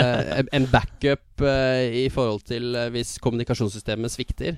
Eh, og, um, og, og, den fungerer jo på den måten at en assistentdommer kan trykke på flagget sitt også for å gjøre meg oppmerksom på at uh, han enten har vinket f.eks. For, for offside, eller uh, har sett noe f.eks. bak min rygg. da Ja, for dette der var jeg med på når det var sånn prøveprosjekt på dette. her, Så spilte vi Raufoss-gutta mot Brøndbu. Da var det sånn dommersamling på Brøndbu, jeg nevnte før òg. Og da dømte faktisk Edvardsen matchen. Men da var det òg eh, at det, vi kunne nesten høre at det vibrerte i armen til dommeren dommeren når eh, flagget ble uh, hevet. Så det var bare det jeg lurte på, om, om det fortsatt uh, Om det prøveprosjektet ble gjennomført. og det er jo Du kan jo i tillegg til eh, vibreringen ha en pipelyd. Ok.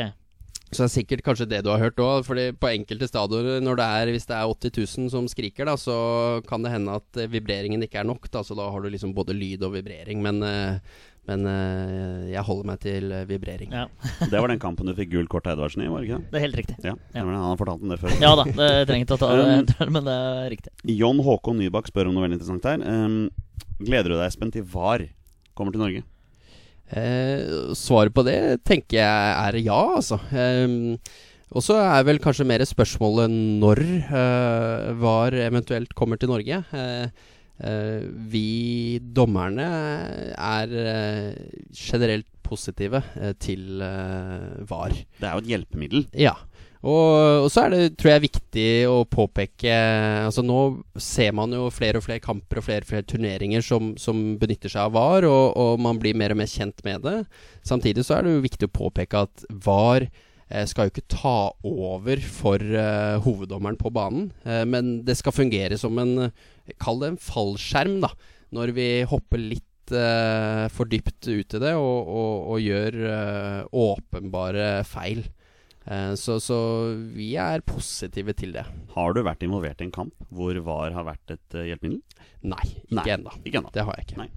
Um, Doffen, vår gode venn eh, med Twitter-navnet CB Julebrus for life. Tydeligvis veldig glad i det. Mhm. Han hadde spurt da, hvor lang tid tar det før vi får innført VAR i Eliteserien, og burde ikke mållinjeteknologi allerede vært innført?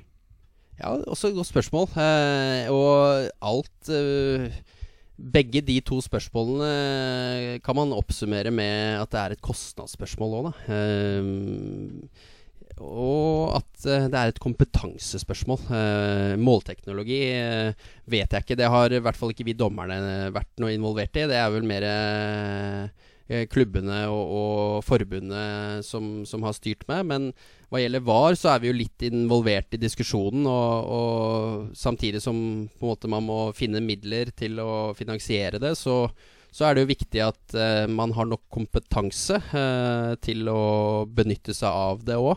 Eh, så, så på en måte det med økonomi og kompetanse tror jeg går litt sånn hånd i hånd i forhold til utviklingen av VAR i Norge. Men, så, ja, men så, så ser du hvor mye det her kan ha å si, da.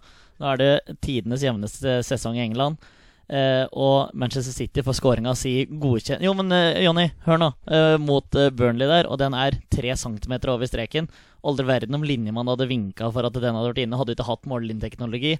Og da kan det hende at City blir snyte for ligagullet på noe som mållinjeteknologien hadde avklart på mål. Så tenk da hvis eh, det står mellom Molde og Odd siste serierunde, og så blir det avgjort på noe sånt. Altså Det er bare ytterste konsekvens, så kan det ha så mye å si for, for spillere her, da. Ja, og det, det, er, det er helt sikkert, det. Ja. Uh, men uh, akkurat dette med målteknologi er liksom det um Det er rett og slett eh, noe norsk toppfotball og, og NFF eh, må avgjøre og styre med og egentlig forklare hvorfor vi ikke har. For det, det er rett og slett et kostnadsspørsmål. Jeg tror det er sånn rundt fire millioner per stadion eh, for å installere dette her. Så eh, ja. eh, det er rett og slett om det er verdt eller ikke, altså. Ja. Jeg veit ikke om Nammo stadion på Raufoss er moden for Håka Hawkeye ennå. Altså, Nei, men eh, Eliteserien burde i hvert fall ha det, for det har så mye å si for disse klubbene her. da Eh, Så mye millioner og milliarder som er i omspill. Altså Ikke med Eliteserien, men i de største klubber. Så det, har, eh, det kan ha fryktelig store ringvirkninger, i hvert fall. Mm. Um, Trygve Skogstad spør hvor mye gleder han seg til å komme på samling med andre dommere, og samtidig vite at det skal være kondisjonstester? Eh, det å dra på samling er alltid veldig kjekt eh, å se alle igjen. Altså, det er jo sånn når man bor i Norge som, hvor uh, det er lange avstander, da, så, så er det jo ikke så ofte vi, vi treffes. Eh, men når vi treffes, så, så er det veldig hyggelig, og vi har meget gode diskusjoner og, og faglige sekvenser.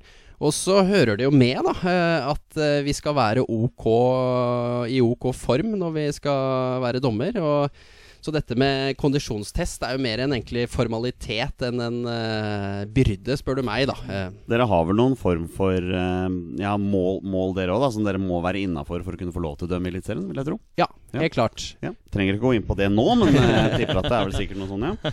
Um, jeg har et siste spørsmål.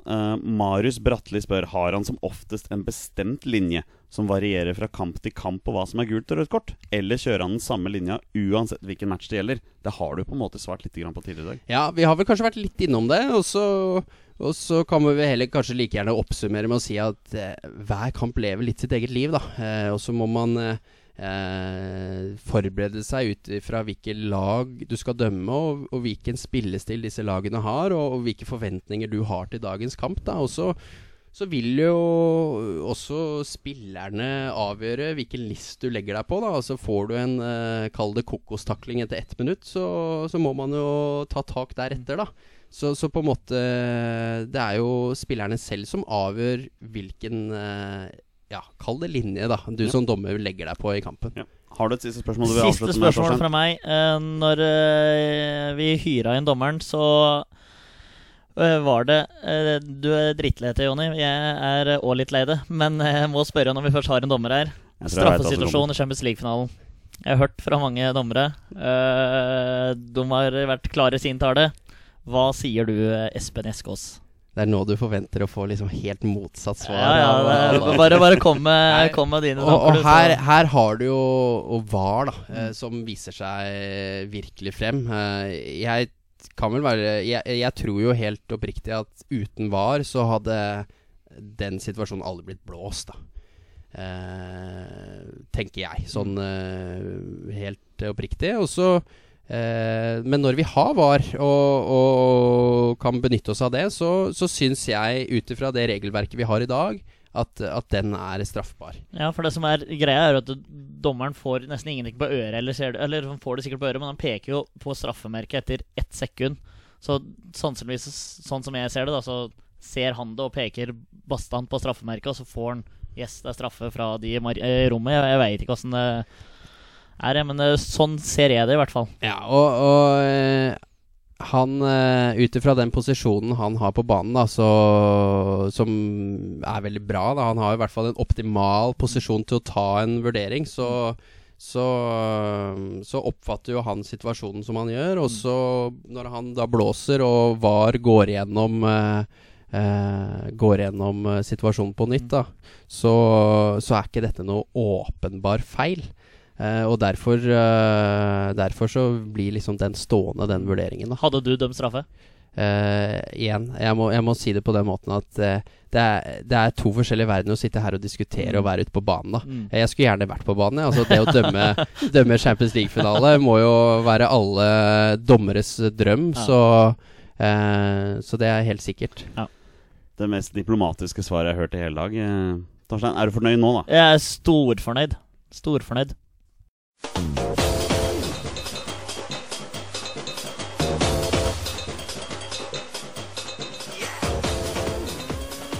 Dette er Drømmelaget. Da er det på tide med et segment som jeg veit Petter Hermansen er veldig glad i. Men jeg tror at du også er, Torstein. Eh, Det er gjestens beste menn. Rett og slett, alle de fleste podkaster, fotballpodkaster har jo et drømmelag-segment, og det har jo vi også, men vi er det eneste drømmelaget hvor eh, den eneste regelen vi setter, er at de må ha minst én annenlandskamp på Norge. Mm. Og da er vi spent, Espen Eskås. Hva er det du har med til oss i dag? Ja, nei, altså det, Jeg måtte sette meg ned og tenke litt eh, når jeg skulle komme frem til et, eh, et drømmelag. eh, og eh, spillerne er på en måte hentet ut av eh, ja, forskjellige, kall det, epoker. Eh, mye baserer seg jo på på mine første år som landslagssupporter, da, uh, gjerne. Og så har jeg med noen innslag eh, som jeg, av spillere som jeg er som, som jeg tror kommer til å prege landslaget i fremtiden. Spennende, spennende. Så, så på en måte, hvis vi bare starter med, med keeperplassen, så, så, jeg, så syns jeg Frode Grodås er en kul uh, keeper. Uh, Det syns du også, Torstein. Ja, ja. Frode Grodås er en fin fyr. Så, så, så han uh, er burvokter. Mm. Um, fireren bak, så fra venstre, så er det Bjørneby. Eh, vi har en Kristoffer Ayer, en Ronny Johnsen og Omar El Abdullawi. Oi, oi, oi, oi, for en firer! En solid firer, det der, altså. Så, så den er eh, Tror jeg kunne vært veldig tett. Uh, på midtbanen så er det Hva skal jeg si? Det er uh, Det er litt samba med, med jernhånd. Så du har en Erik Mykland, en Kjetil Rekdal og en Martin Ødegaard. Oi, oi, oi, oi. Hei sann. Fy fader. Og- Og åpne munnen til her. På topp så er det en eh, trekløver som, eh, som hadde skremt livet av de fleste, tror jeg. Så da er det Solskjær, Carew og eh, Flo. Ja da. Og eh, må bare spille inn at kanskje min eh, beste opplevelse med landslaget live, da. Eh, på Ullevål, det var eh, september. eh, hvis jeg ikke tar helt feil, kan ha vært tolv Eller nei, ti. Med Norge-Portugal. 7. september 2010 Stemmer da, det. med Karev som eh, har et eh, voldsomt eh, press på keeper og, og blokkerer det utspillet til Huseklepp, som setter den i mål. Eh, og, og det er nok min beste sånn live-kamp med landslaget. Det er fantastisk. Ja, det er, For et lag. Ja, Ja. kjære vene. Det der var eh, sterkt. Ja. Jeg kan ikke til unngå, jeg må spørre. Har du dømt noen av disse spillerne? Eh, ja, det, er godt spørsmål. Kristoffer Ayer har jeg jo dømt. Um, det er vel egentlig det eneste, tror jeg. Solskjær har vært på linja, sikkert? da Eh, Solskjær eh, har jo vært trener. eh, Rekdal. Og Rekdal har vært trener. Ja. Så, så, men jeg har jo ikke dømt de som spillere. Det, det har jeg ikke. Eh, og Ødegaard dro jo ut så tidlig at eh, han var jo ferdig i Eliteserien før jeg kom opp. så, det er sant òg. ja. så, så sånn er nå det. Ja. Hvordan er det å, å dømme med sånne profiler på sidelinja, da? Sånn som Rekdal, Solskjær? Eh, Kommer noen gloser, vil jeg tro. Eh, ja, det hender jo. Eh, men eh, men du, du tenker ikke noe over det. Eh, du, du er så inne i kampen på banen og forholder deg på en måte til eh, det som skjer der. Og så er det vel kanskje heller fjerdedommer som, eh, som får eh, bryne seg på trenerne. For et lag, Torstein. Ja, dette var eh, virkelig et A-lag.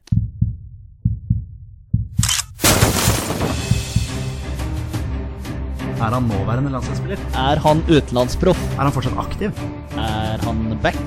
Har han spilt for Rosenborg? Mine damer og herrer, det er nå tid for 20 spørsmål. All right, mine damer og herrer, det er på tide å avslutte sånn som vi alltid pleier å gjøre. Det er nemlig klart for en runde med 20 spørsmål. Torstein Børgo, du er klar, og i dag har du med deg en vaskeekte eliteseriedommer som din makker. Det må jo være gøy. Ja ja, det er kjempegøy, så i dag må vi levere. Og du har jo for vane å levere med gjestene. Ja, jeg tror, eh, sånn som vi har sagt før, at vi har 100% score, så alt presset er på Espen, egentlig. Der hører du det, Espen. Du, du har presset på deg nå, altså. Ja, jeg, jeg tar det. Du er innforstått med reglene, men for våre lyttere så tar jeg alltid en runde. Eh, Torstein og Espen har nå 20 ja- og nei-spørsmål og kommer fram til spilleren jeg har funnet fram. og Det er en spiller som har minst én A-landskamp for Norge. Og bonusregelen her i Våre bestemenn er at når de gjetter navnet på en spiller, er spillet over, og de har vunnet eller tapt. Da spiller vi 20 spørsmål. Vær så god, gutter. Ja, takk for det. Sender hun over. Jeg sender nå vi er rett til Espen, jeg, faktisk. For eh, det er en liten gave fra meg til deg. Så, Gjesten får alltid begynne. Ja. så da må du bare finne et godt spørsmål, Espen, og kjør Ja, på. Det, det, da takker jeg for det, da. Eh, og eh, jeg tenker jo kanskje at eh, om det kunne vært en idé å høre litt om denne spilleren fortsatt er aktiv. Den er Han har start. hørt på oss før. Ja, men det er rutinert. Jeg liker det spørsmålet. Så jeg tenker det i hvert fall er kanskje en idé å starte der. Altså, er denne spilleren eh, aktiv i dag? Ja. Kanskje det er en du har med å gjøre til vanlig? Det får vi nesten uh, Ja. finne ut av. Skal, jeg- skal vi se, Kanskje jeg skal bare ta neste, da. For Eliteserien er jo ganske eh, nærgående her, føler jeg, når vi har en eliteseriedommer og spilleren fortsatt er aktiv. Eh, spiller denne spilleren i Eliteserien i dag? Ja. Ok. Mm. Skal vi se. For da pleier i hvert fall jeg og Petter pleier å gå på draktfarger her, da. Istedenfor at Espen skal få lov til å gjette, så bare forteller du en mann Eh, nei, men eh, Jeg forholder meg ofte til kortfarge. men, Kortfarge. eh, Den er fin. Ja, Det den er fin. Det er dommerhumor. Vi, vi, kan, vi, kan, vi kan ta det, det, det kortfargen. Vet Det er eh, Sarpsborg som er gule på bortedrakten sin. Jeg vet ikke. Nei, Espen, kjør du. Draktfarger, ja. ja eh, Nei, Vi må ikke kjøre der, altså. Nei, nei, nei, nei, jeg skjønner det. Også, men, men det er jo interessant altså, om det er draktfarger eller posisjon på banen. Det, jeg Mm. tenker det eh, vi kan være der. eh, høre Begynne litt eh, med det. Ja. Eh, er da et aktuelt spørsmål å spørre om vedkommende er forsvarsspiller? Ja. Se her er jo full klink meldt. Uh, har vi en midtstopper? Er det, er det en midtstopper, denne spilleren her? Ja. Det var ikke det spørsmålet jeg trodde skulle komme ut fra din munn. For å si sånn. Nei, nei. Jeg er glad jeg ser backa mine, men Ja. eh, Beckmann, ja. Riktig. Eh, det er jo interessant. mhm. Og da er jo du Har jo mer kontroll på gjerne eh, hvilke eventuelle midtstoppere dere har vært innom før, da. Ja, men jeg husker jo ikke alle 100 eller 95 navnene som jeg har vært, uh, vært innom her. Men ehm, For, for eh, hvis vi begynner å diskutere litt uh, aktuelle kandidater, i hvert fall, Ja. som, som vi vet har kamper og spiller i dag, så er det jo i hvert fall et par stykker på Rosenborg. Ja. Du har jo både Valsvik, Reginiussen og Hovland. Ja. Der har du tre stykker. Eh, Forren eh, i Molde. Forren i Molde, ja. Bjørnbakk har ikke vært tatt ut ennå. Nei. der har du jo mange navn der. Uh, det er jo òg fristende å spørre om han her har vært i en Lars Lagerbäck-tropp òg. For da får du luka ut uh, i hvert fall Reginiussen og Hovland. Og Forren fort. Uh, jeg lurer på om jeg gjør det. Ja. Har denne spilleren vært med i en Lars Lagerbäck-tropp? Nei. Nei. For da luker vi bort egentlig ganske mange. Ja, det er interessant. For da står vi igjen med Gustav Walsvik, for han mener jeg ikke har vært med i en Lars Lagerbäck-tropp, men det Mm. er det. Mm. Har? Eller veit du det, kanskje? Nei, altså eh, Det høres, eh, høres jo riktig ut. Eh, ja, jeg støtter meg jo til den vurderingen. Ja. For har Ja, Så har du ledere Bjørdal i Vålerenga. han har Han Kamper. Har, han har landskamper, han er fortsatt aktiv, men ikke vært med i en Lars Lagerbäck-tropp. Det er et godt poeng. Men jeg, ja, jeg tenker jeg bare skal skyte ut disse draktfargene mine, jeg, altså. Uh, denne klubben som denne spilleren spiller for, har den klubben blå drakter? Nei. Greit, for da luker vi bort. Du må alltid ta den der. Samme Vålerenga. Samme regler. Vålerenga, Stabæk, Sarpsborg, Og Molde. Molde, Ranheim, Ranheim, Kristiansund, Kristiansund men da- Viking. Viking. Da har du de sju der, og da har du igjen i rask høyregning har du ni eliteserielag. da står jo fortsatt eh, Rosenborg igjen her. Eh, ja, Nei, men da har vi i hvert fall avklart det. Ja. Sender ballen over til deg igjen, Espen. ja eh, riktig. Dere veit jo ganske mye nå, da. Ja, vi, vi gjør det. Og så altså, Du har så fine formuleringer. Altså, det er liksom denne klubben som denne altså, det er liksom, Ja, men dette ja. har Torstein fått uh, blitt skolert ja, på av ja, Petter ja, Hermansen. riktig. riktig. Takk, Espen. Dette jeg synes var hyggelig. Jeg, jeg, dette er første gang jeg hører at jeg er god på formuleringer. Det er uh, Fankeren. Det her er vår beste gjest noensinne. Nei, men hvis se, vi da. skal Spørs om dere klarer 20 Ja, ja, hvis vi skal uh, bare fortsette med et draktspørsmål til, da, Ja. så kan vi jo vi, For vi har jo liksom Valsvik som en het uh, kandidat her, føler jeg. Ja. Så uh, go, kunne, skulle vi liksom bare gått for uh, eh, drakt? Altså, er det Eller blir det uh, Hva Ja, Da tenker du? kutter vi i hvert fall ut Rosenborg med en gang der. Ja. Eh, men skal vi se om vi har noen i Tromsø og Bodø-Glimt, så kan vi spørre om Nord-Norge, For vi tar med Rosenborg Ja, i ja. Nord-Norge. Ok, det Eh, er en del av Nord-Norge. ja, da, I, i, I våre beste menns podkast Ja, ja, ja. er eh, Rosenborg Nord-Norge. Det stemmer. Det er vanskelig å definere hvor Trønde Trondheim ligger i landet, skjønner du. Ja, ja. Så her blir det en del av Nord-Norge. Skal vi se Bodø-Glimt. Jeg kan ikke komme på noen derifra akkurat nå. Nei. Eh, Tromsø. Simen Wangberg. Men uh, jeg kan ikke mene at han har vært inne på landslaget. Men eh, Er Kjør spørsmål nå, Torstein. Ja, kjør spørsmålet til Espen. Ja.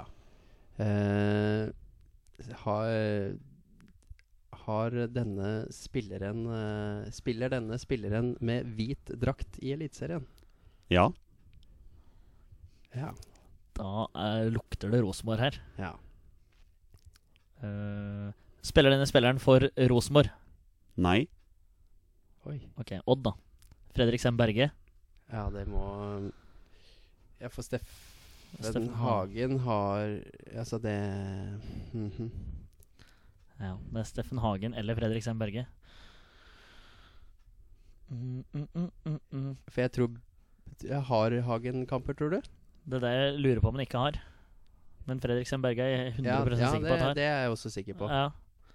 Men så er det ikke lov til å spørre om noen navnespørsmål her. Så kunne Nei, jeg tenkt å dra til Nils Johan Semb eller uh, Sander Berge og hørt om det er noe samme etternavn. Men, Å, eh, sånn, ja. Ja, ja, det er det. ja, ja, ja. men jeg mener Strenge regler. Ja, ja, men det, det er jo en fin regel, det, da. Ja da, det er egentlig greit. Uh, men jeg lurer på om han her var med på det laget som tok bronse i U21-EM eller VM, men jeg er ikke helt sikker. Eh, men i fjor så laga han i hvert fall fire sjølmål. Ja, det er nok riktig. Ja. Jeg tror jeg i hvert fall dømte en av de kampene han Det kan nok stemme. det lurer jeg på om Hvis det kan være Hvis jeg klarer å få formulert det til et spørsmål, så um, Skåra denne spilleren her flere sjølmål enn uh, mål i motstanderens mål i sesongen i fjor? Nei. Ok. Og Imponerende at du skjønte spørsmålet. Ja, nei, jeg skjønte godt hva du mente. Det var kanskje et dårlig spørsmål. Jeg svarte, jeg. Du svarte på et dårlig spørsmål. Ha. Men hvit drakt passer det ikke er noe i går, men det er Rosenborg og Bodø-Glimt Nei, Rosenborg og Odd, Odd. det her eh, handler om. Det kan ikke være noe Eh, Nei, eh, det er jo ikke um... Det kan ikke være noe annet. Eh, Det er, altså, det, det er eventuelt uh, Hvis Haugesunds uh, hvitblå Nei, nei. Nei. nei. Nei. Nei. Det er eh, Men jeg kan fi- finne spilleren inn spilleren for Odd. hva, det Unnskyld, det er faktisk et veldig godt poeng. Selvfølgelig er Haugesund hvite. Ja. Det er klart de er det. Ja. Du har helt rett. Det er godt. Selvfølgelig er de det. Men da antar jeg at det ikke er Haugesund. Men det kan jo mulig jeg avslørte det litt grann der. Jeg lurer på om, denne spilleren spiller for Odd, da. Om bare for å få avklart Bare for bekrefta Ja. eller avkrefta? Ja. ja, det kan vi gjøre. Spiller denne spilleren for Odd? Ja. Ja. Det er ti spørsmål. Ja. Da er det halvveis. Da, ja. Nei, men da, vi er jo fortsatt på god vei her. Vi finner ut at spilleren spiller for Odd. Han er midtstopper. Han er fortsatt aktiv. Uh, han har ikke vært med i Lars Lagerbäck-tropp. Eh, Og det er jo ingen uh, Fordi tredje uh, For han Bergan gikk jo til Glimt, Ja. som var på en måte Men han gjorde jo det fordi det kom en junior som de skulle satse på som tredjestopper der. ja. Så, og han har jo ingen uh, A-lagskamper, så det på en måte Det, det begynner jo å peke mot én person da. ja, det gjør jo det.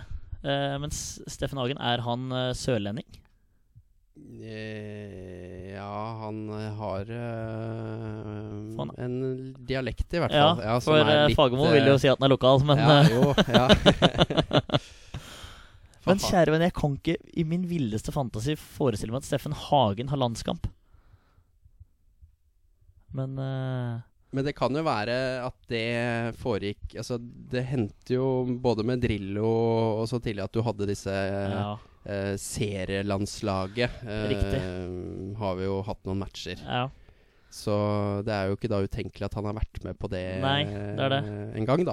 Og Steffen Hagen har jo over 300 kamper for Odd Grenland nå. Vi kan jo høre om det, da om denne spilleren har over 300 kamper for Odd. Det kan vi gjøre. Har denne spilleren over 300 kamper for Odd? Ja. Da tror jeg vi fort uh, sitter med svarteper, skulle jeg si. Sitter med Fasit, si. fasit. Eh, Går det an å s Har du noe med juicy info på Steffen Hagen du kan, Hagen. som du kan oh, men han er jo kaptein på Odd, da. Han er, han er kaptein på Odd, så som dommer så, så har du i utgangspunktet litt med han å gjøre, da. Ja. Eh, men det, det, er- det er jo ikke noe spørsmål ut av det. Altså, har du som dommer mye å gjøre med Steffen? For eh, Den er fin. Nei, men eh, vi kan jo også For vi har jo spørsmål å gå på, så det Ja. går jo an å spørre om denne spilleren er kaptein på Odd. Ja. Ja. Mm. Da tror jeg vi fort uh, sitter med en, altså. Har du noe mer, da? Nei, men Du skal få lov til å stille, stille det magiske spørsmålet, du, Espen. Hvis vi tror vi er eh, enige om hvem dette her er. Har du da noe formulering som du ønsker? uh, um, jeg syns Nå, er, nå koser Torstein seg ja, nå, nå begynner jeg å se at dette her går veien. Nei, men eh, nå ordner Ordn det sjøl, Espen. Dette her eh, fikser du. Jeg, da, da, tror jeg på da lurer vi på om eh, denne aktuelle spilleren heter Steffen Hagen. Altså, det er den beste måten noen har stilt spørsmålet på Ja. noen gang. Det er jeg enig. Gutter, det er Steffen Ja, Hagen. det er deilig. Det er helt kult. riktig. Er Gratulerer så mye. Steffen Hagen med tre landskamper Ja. for Norge. Eh, to av de kampene er spilt i januar Mm, det er i riktig. 2012 mot, mot henholdsvis Thailand og Sør-Korea. Eh, begge de to kampene ble spilt i Bangkok. Men han har spilt en kamp i Norge også, for Norge. 0-0 mot Forente arabiske emirater på Viking stadion Ah, i 2014. Eller SR Bank Arena, som den også pent heter. med kunstgress. Eh, kampen hvor Martin Ødegaard fikk sin debut. Mm. Stemmer. Steffen Hagen er sørlending. Mm. Du har helt rett i det, Torstein Bjørgo. Han er jo opprinnelig fra Han er født i Kristiansand. Mm. Ungdomskarrieren i Vigør. Og tre sesonger for Mandalskameratene før han gikk til Odd tilbake i 2006. Lokal gutt med andre år, da. Ja, i, i Dag Eilert Fagermos eh, øyne og ører så er dette her den mest lokale Ja. telemarkingen som fins, Ja. egentlig. Um, I mine, Ifølge mine papirer har han 347 kamper for Odd. Så klubblegende, sånne greier. Ja. Ja. Hvordan er han i denne, i denne meetingen på midtsirkelen før kampen begynner? Er han høflig? Er han dannet? Eh, Ja, det var to egentlig ganske treffende ord for, eh, på Steffen Hagen, syns Ja. jeg. Han, eh, jeg. Jeg tror han, han er sånn som nå har jo ikke jeg dømt Eliteserien i så mange år. Men, men, eh, men Steffen Hagen eh, har jo såpass mye rutine at det er en spiller som det er mulig å på en måte kommunisere med. Da. Og Ja. han, eh, han har jo vært ute en både vinternatt og, og sommernatt før, han. Så, så, så på en måte han, han er egentlig veldig ok å, å ha med å gjøre på banen. Så bra. En av de letteste å forholde seg til, altså.